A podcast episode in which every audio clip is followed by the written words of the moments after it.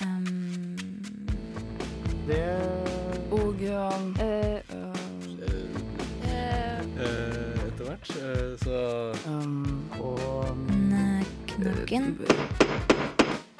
Emneknaggen. Studentenes debattprogram på Radio Nova. eh, Radio Nova Kinesiske utvekslingsstudenter risikerer sanksjoner hvis eh, de deltar på Kulturutvalgets eh, Dalai Lama-møte neste torsdag. Og jeg er en eh, hard leder, det uttaler HiOA-studentenes nye studenthelt Tord Øverland, og han skal utfordres av nåværende leder Eline Støland. Um, uh. emneknaggen. Du hører på emneknaggen Studentenes debattprogram her på Radio Nova. Hvor du også skal få møte en homofil teologistudent som har eh, en litt annen holdning enn flertallet i Kirkemøtet. Mitt navn det er Marie Røsland. Først skal vi over til eh, noe helt annet. For selv om eh, regjeringen har bestemt seg for å ikke ta imot eh, Dalai Lama, skal den landsforviste åndelige lederen av Tibet gjeste Det Norske Studentersamfunn. Og det huset vi sitter på nå, det er Kulturutvalget og deg, Håkon Søyland, som arrangerer dette arrangementet. Altså Dalai Lama meets with the students. Mm. Og hvorfor har dere invitert eh, den eh, åndelige lederen da, til huset her? Jo, Dalai Lama er jo en eh, personlighet som har begynt å snakke mye om å overgi stafettpinnen videre de siste, siste årene. Eh, og det syns vi er veldig interessant. Eh, i hvilken stafettpinne? Nei, både i Tibet så er en interessert i å innføre reformer for å uh, kunne få Tibet til å fungere, eller eksilregjeringen til å fungere uten hans, uh, hans tilstedeværelse. Men òg globalt sett. Uh, så har jeg begynt å snakke mye om eh, problemene som vår generasjon kommer til å møte. Eh, og da var vi interessert i å invitere han til Norske studentsamfunn for å snakke om dette. Ja. For han er jo sett på som eh, hel, altså den symbolet på Tibets eh, frigjøring. Eh, eh, og eh, har dere, da, eh, som eh, eh, regjeringen tvilt på om det er lurt å eh, vise såpass stor avsky, da, i hermetegn til eh, Kina? Vi inviterer jo først og fremst Dalai Lama for at han skal snakke om sine eh, ideer og tanker. Vi inviterer jo han ikke for at vi skal gjøre Kina sure. Det er ikke derfor vi inviterer han. Eh, Så Men har dere fått noen reaksjoner på det? nei, vi har ikke fått noen reaksjoner eh, fra, fra kinesisk hold. Det har vi ikke. Men eh, eh, i dagens Universitas så kan vi eh, lese at eh, kinesiske utvekslingsstudenter de kan eh, risikere å få sanksjoner eh, hvis de deltar på dette arrangementet. Og med oss på telefon så har vi Halvor Eifring, professor i moderne kinesisk VUO. Og hvordan kan disse studentene da få sanksjoner for å være med på dette møtet? Det som har vært tilfellet i veldig lang tid i Kina, det er jo at det følger alltid en mappe med deg. Vi kjenner jo tilsvarende fra Norge, men det er en helt annen skala over det i Kina. Eh, og at eh, det kan være med å bestemme deler av dine eh, karrieremuligheter videre i livet. Nå er, hjelper det at Kina er blitt også et mer eh, åpent og fritt samfunn enn det har vært på mange måter. Sånn at man har mange arbeidsmuligheter, selv om måte, de statlige veiene og partiveiene ikke er åpne for en. Men, men partimedlemskap for eksempel, er fremdeles noe som kan bety noe i arbeidssammenheng og karrieresammenheng i Kina. Sånn at uh, mange er veldig klart engstelige for hva som vil skje dersom de skulle finne på å dukke opp på arrangementet arrangement med Dalai Lama. Men er det sånn at de overvåkes av kinesiske myndigheter? De overvåkes i den forstand at uh, det er stadig et press eh, på kinesiske studenter i Norge, og på noen av dem i særdeleshet, på å rapportere til uh, ambassaden eh, som er her i landet, eh, når det er noe å rapportere om. Og det, dette vil opplagt være noe å rapportere om. og Her vil jeg gå ut fra at på et sånt arrangement så vil jeg gå ut fra at eh, ambassaden også har sine egne folk utplassert, slik at man ser veldig godt hvem som er til stede og hvem som ikke er det. Men hvorfor er det sånn, da, at bare fordi man møter eh, Dalai Lama, så skal man eh, det få konsekvenser for fremtidige yrkesvalg? Altså, hva er det kineserne eh, ikke liker, da, eh, for å sette litt på spissen, med Dalai Lama? I Kina så kan du si det er eh, en litt sånn tradisjonell måte å si det på, er at det er tre t-er som du aldri skal nevne. og Det ene er Tibet, det andre er Tiananmen og det tredje er Taiwan. Og eh, nå er det mange andre eh, ting man kunne nevne også, men eh, Tibet er et av de aller mest sensitive spørsmålene i Kina. Det er et, en, et veldig stort landområde eh, som de har veldig klart ikke klart å eh, integrere i det landet som de mener at Tibet er en del av. Eh, Dalai Lama er egentlig en svært moderat eh, talsmann i denne sammenhengen. Han eh, taler ikke for eh, tibetansk løsrivelse fra Kina, men for mer, mer selvstendighet innenfor Kina. Slik at eh, egentlig burde han være en talsmann de kunne eh, snakke med. Men isteden har de valgt da å gjøre Dalai Lama til en, det de kaller en eh, ulv i fåreklær. Og kanskje da i, med den tanke at de, han er jo gammel, at de venter på at når han går bort, så vil hele den tibetanske motstandsbevegelsen falle fra hverandre. Det er sannsynligvis, og det er det mange som sier, at det er sannsynligvis veldig, en veldig gal tanke. Antagelig så vil det bli mye vanskeligere å forholde seg til den tibetanske motstandsbevegelsen etter Dalai Lamas død. Men hvis det er sånn at han ikke er noe sånn utpreget uh, frihetskjemper sammenlignet med andre, hvorfor er det da den norske regjeringen f.eks. har besluttet å ikke ville møte han? Det er jo helt klart. Det er ikke pga. Dalai Lama, det er pga. Kinas press. Sånn at, uh, det er ikke sånn at den norske regjeringen sitter og har noe imot Dalai Lama. Det er, jo sånn at den norske regjeringen vurderer da at presset fra Kina er såpass sterkt at uh, med tanke da på forholdet til Kina, så lar man være det i denne sammenhengen. Det er synd, og det er uh, neppe klokt, tror jeg, men, uh, men det er jo selvfølgelig gjort med et ønske om at det skal tjene norske interesser i forhold til Kina, ikke i forhold til Tibet. Men hva, hva slags signal sender det ut da, at kulturutvalget inviterer Dalai Lama til å snakke foran en fullsatt stor sal på Det Norske Studentersamfunn? Ja, Det sender et veldig klart signal om at uh, selv om da myndigheter ikke føler at de kan uh, gå inn i dialog med Dalai Lama, så er det helt klart en veldig sterk interesse for Dalai Lama og for det han står for i det norske folk. Sånn at det er et veldig godt signal. Og vi må tenke på dette også i, litt i forhold til det at Kina, som er i ferd med å bli verdens største økonomi, du ser en side ved, det, ved, deres måte å relatere seg til, til både sine egne studenter, som vi nevnte, og til uh, Dalai Lama, ved å på en måte isolere ham så, nokså totalt. Og i forhold til f.eks. da Norge i dette tilfellet, at det er en veldig, et ekstremt sterkt press de da legger på dem som, er, eh, som kunne tenkes å være uenig med dem. Men tilbake til deg, Håkon. Er det sånn at du frykter for at du f.eks. ikke skal kunne få visum til Kina? Jeg frykter jo ikke for det. Nå var jeg jo i Kina i sommer, så jeg har jo på en måte fått vært der. Men, så, men jeg vet ikke hvor realistisk det faktisk er at det er en fare ved at man får en form for sanksjon eller får nekta visum til Kina. Det så du tror ikke. ikke det vil skje? Det blir veldig hypotetisk fra min side i hvert fall.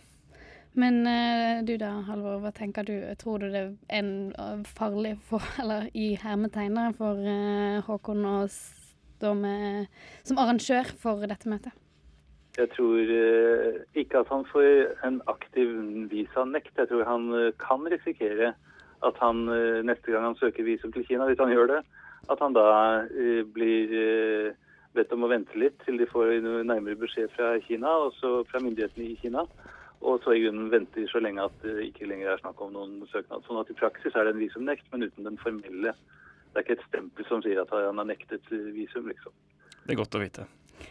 Ja. Da vet vi det.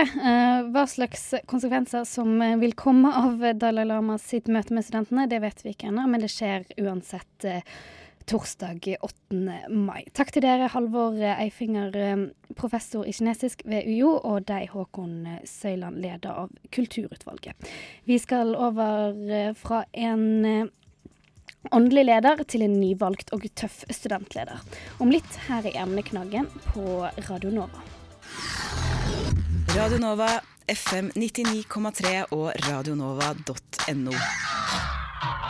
Lørdag var det klart. Studentenes eh, nye leder på Høgskolen i Oslo og Akershus heter Tord Øverland.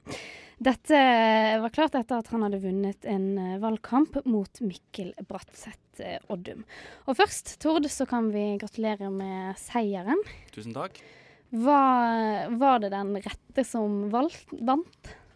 Det syns i hvert fall jeg, og det syns parlamentet òg, så da får jeg vel si ja. Hva er det du ser først, eh, først og fremst frem til ved å være studentparlamentsleder? Oh, det er et godt spørsmål. Jeg gleder meg veldig til å sette meg ned med, med teamet og begynne å snakke litt om hva vi har lyst til å gjøre det kommende året. Og eh, i samspill med både parlamentsfolket og ja, avtroppene og begynne på overlappen. Det, det, det er mye å glede seg til, i hvert fall. Men det er ikke en ukjent sak at uh, du i tidligere uh, studentpolitiske verv har uh, kom, gått på en liten uh, smell, eh, som eh, man kan pent kalle, det. Eh, hvordan kan man unngå at du igjen blir utbrent? Først og fremst så er jeg mye mer klar over utfordringene eh, denne gangen. Og eh, det var ikke når jeg satt i vervet forrige gang jeg gikk på smell, det var etterpå når jeg prøvde å både kombinere og ha en tilnærmet 100 %-stilling i alt jeg gjorde utenom om studiet. Og overgangen tilbake til studiet var litt for hard for meg. Jeg ble en sånn eh, en av veldig mange i klasserommet. Eh, det som kan gjøres for at det skal at jeg ikke skal gå på smellen, er at eh, folk rundt meg passer på meg, og at jeg også passer på meg sjøl, og at jeg passer på andre. eh, slik at ingen andre går på samme smell. Fordi sånn skal det ikke være. I studio så har vi også Eline Støland. Du skal eh, få være, ha tittel leder en liten stund til.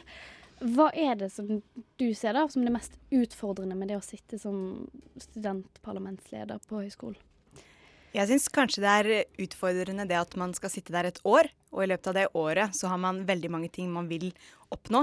Og det å velge de riktig strategiske metodene for å få gjennomslag for de sakene man jobber med, og rett og slett prioritere på daglig basis hva er det viktigste å ta fatt i i dag, det syns jeg er det mest utfordrende. Tror du Tord klarer dette? Definitivt. Jeg har veldig stor tro på det. Hvordan skal du prioritere da, Tord? Prioritering eh, går gjennom at man gir klare og tydelige beskjeder til parlamentet når de skal vedta handlingsplan. Handlingsplanen er det som er det førende dokumentet for hva vi skal jobbe med. Og det å kutte ned handlingsplanen er noe som jeg har uttalt tidligere at man må gjøre. Eh, Nå er den på seks sider, ikke sant Eline? Seks sider, og det, det, det, er mange, det er mange sider det er mange punkter. Man må kutte litt ned på den. I tillegg så må man bruke sommerferien på å forberede seg på året som kommer. Og nå har jeg delvis glemt spørsmålet fordi det har vært en lang dag, men jeg tror jeg svarte på det.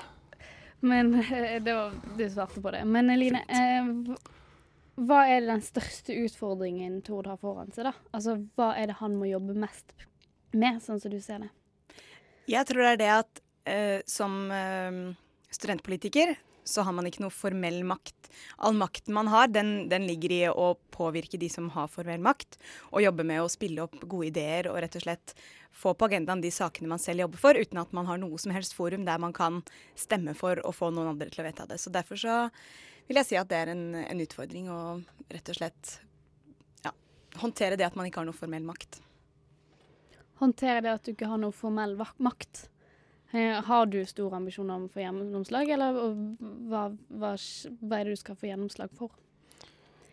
Få gjennomslag for, det er jo politikken som vi vedtar gjennom god kursing av de som er tillitsvalgte som sitter i råd og utvalg som har formell makt.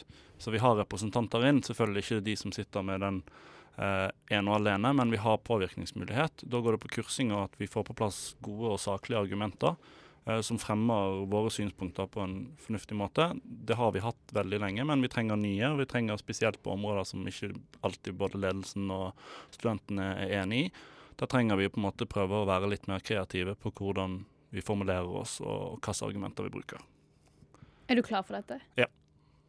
Men eh, hvis eh, du, sier at, eh, du sier at du skal være en sjef, og ikke Nei, ikke en sjef, men en leder. Hva er forskjell på de to tingene? Vesentlig forskjell på de to tingene er jo det at en, en sjef er en du, i hvert fall sånn som jeg assosierer med ordet sjef, så er det en som tar alle avgjørelsene, som bestemmer alt og på en måte eh, mer en kommanderende person enn en, en, en, en leder som jobber for å få fram det beste i et team, en samlet enhet. Men hvis du skal Nå får du vite Aveline hva som er utfordrende og vanskelig. Hva er det du har sett Aveline sitt arbeid som du tenker at dette skal gjøre annerledes? Ja, det er jo veldig gøy å sitte og se på Line mens jeg skal si hva hun kunne gjort bedre. Du uh, sier du er en hard studentleder, så nå må vi Ja, jeg er en hard studentleder, det stemmer. Uh, nei, først og fremst uh, mer synlig i det offentlige rom. tror jeg er fornuftig. Jeg tror både skolen og vi er moden til det. Der, der, beklager, Line, der har, har vi studentparlamentet en vei å gå, og det ønsker jeg at vi skal få til. Og så mindre, mindre, organisatoriske debatter på parlamentsmøtene håper jeg å få til. Eh, men det er selvfølgelig veldig opp til hva studentparlamentet sjøl legger opp til av aktivitetsnivå. Hva tenker du om det du hører her, Eline? Jo, det er, det er ikke overraskende. Det er jo ting jeg også er enig i. Vi har nok gjort et bevisst valg at vi har følt at vi har fått mest eh, gjennomslag for sakene våre, ikke gjennom media, men gjennom eh, dialogmøter med de partene f.eks. Så det er jo det er en klar forskjell i hva man velger å gjøre. Men det jeg er veldig enig med Tord, det er at man burde være mer med i samfunnsdebatten. Og være til stede og eh, være en stemme, ikke bare for å kjefte på folk som ikke gjør jobben sin, men for å være med og, og være en tydelig politisk stemme. Det syns jeg er viktig. Eh, hva er det første du kommer til å ta tak i når du da etter uh, sommerferien uh, påtrer uh, rollen din, Tord? Tenker du på første arbeidsdag? Ja, hva, eller hva er det første du kommer til å ta tak i? Av saker? Politiske saker, da. Første politiske sakene, altså det kommer litt på hva som jobbes med på høyskolen per dags dato. Jeg vet at det er store omorganiseringer, men eh, starte med et godt arbeid med det internasjonale arbeidet og få på plass noe mer politikk på området, er nok eh, noe av det som man bør starte med. I tillegg litt om, om forsknings, eh, forskningsarbeidet som skjer, og studentinkluderingen. Involveringen er vel rett ord å bruke, og inkludering er et fint ord å bruke også. Helt til slutt, vil det bli høyere valgoppslutning med deg som studentparlamentsleder? Det er ikke mitt ene og alene ansvar, men jeg skal gjøre mitt beste for å prøve å få det til. Takk for at dere kom uh, til emneknaggen. Eline Støland, nåværende og avtroppende leder av studentparlamentet på Høgskolen i Oslo og Akershus, og Tord Øverland, uh, neste leder av uh, samme parlament. What? Radio nå. Vi skal eh, straks over eh, til Teologisk fakultet, hvor konservativ tankegang er uglesett, her i emneknaggen på Radio Nova. Radio Nova. I begynnelsen av april så gikk eh, kirkemøtet av stabel i Kristiansand. Troende eller ikke, så vet du garantert hva som er tema nå. Det er selvsagt snakk om debatten om hvorvidt kjærlighet mellom to mennesker skal være tillatt i kirken eller ikke. For homodebatten i kirken, den er enda ikke ferdig. Og med oss på telefon så har vi deg, Geir Viknes. Du er student ved Det teologiske fakultet på Universitetet i Oslo og du var til stede på kirkemøtet. Og hva var det du gjorde der? Eh, der hadde jeg primært eh, to oppgaver, slik jeg ser det. Det ene var å gi saken et ansikt sammen med flere av mine medstudenter. Hvordan var det du skulle gi saken et ansikt? Eh, de fleste, dvs. Si alle på kirkemøtet, er, med ett unntak, er heterofile. Eh, slik at det å diskutere en sak som du ikke kan relatere så enkelt til mennesker, det blir vanskelig. så Derfor så trengte Kirkemøtet, slik jeg så det, en, eh, et ansikt på saken som var så viktig for så mange. Eh, og så var det i forlengelsen til det å, å hjelpe deg til å ta riktig avgjørelse, altså prøve å, å lobbe litt.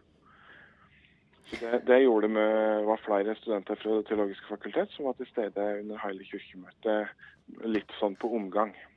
Ja, for I dag så har du en, et innlegg eh, postet i uh, Universitas med tittel 'Homofile bør få gifte seg i kirken'.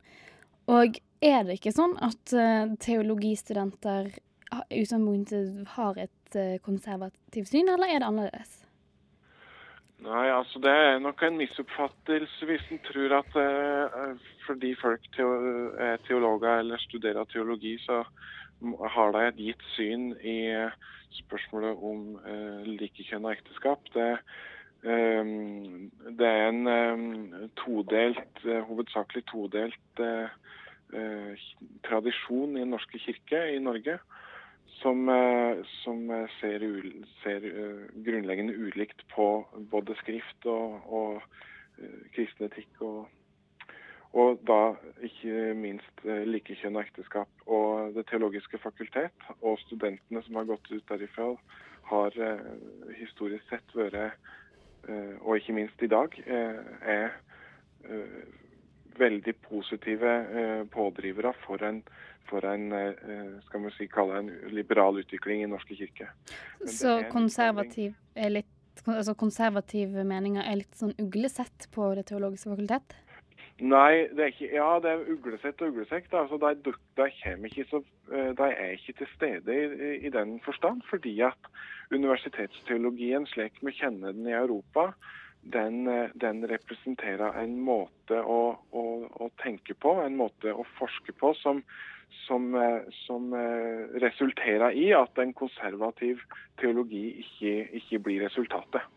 Men er det, så, er det, et sånt lite generasjonsskifte da mellom Altså, er det det unge som har en liberal uh, holdning til dette spørsmålet, mens de eldre som uh, i kirkemøtet som har en mer konservativ holdning til det? Er det der skillet går? Ikke, nei, i prinsippet så gjør det ikke det. Men i Norge så har vi en sterk lekmannsbevegelse.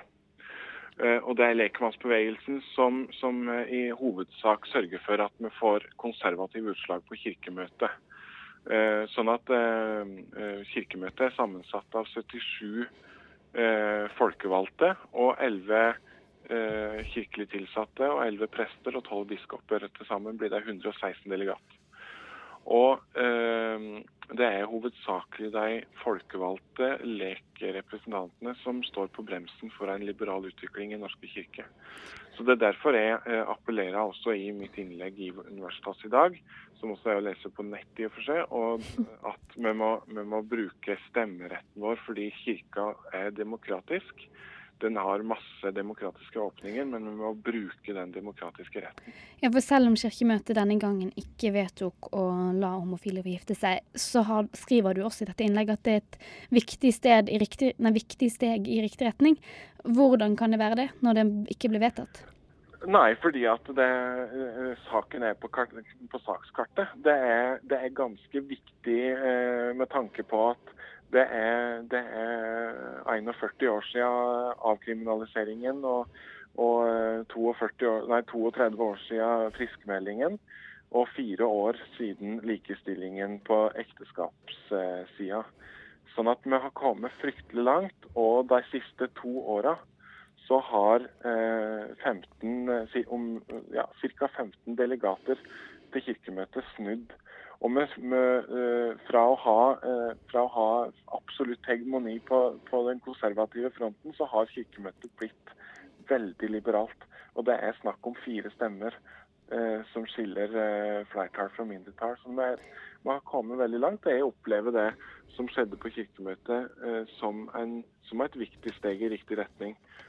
Men sånn helt kort, tror du at du vil kunne gifte deg i Den norske kirke om ikke så altfor lenge?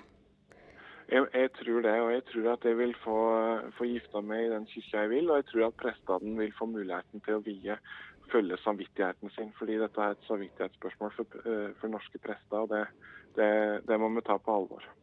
Takk til deg, Geir Viknes, student ved Det teologiske fakultet på Universitetet i Oslo.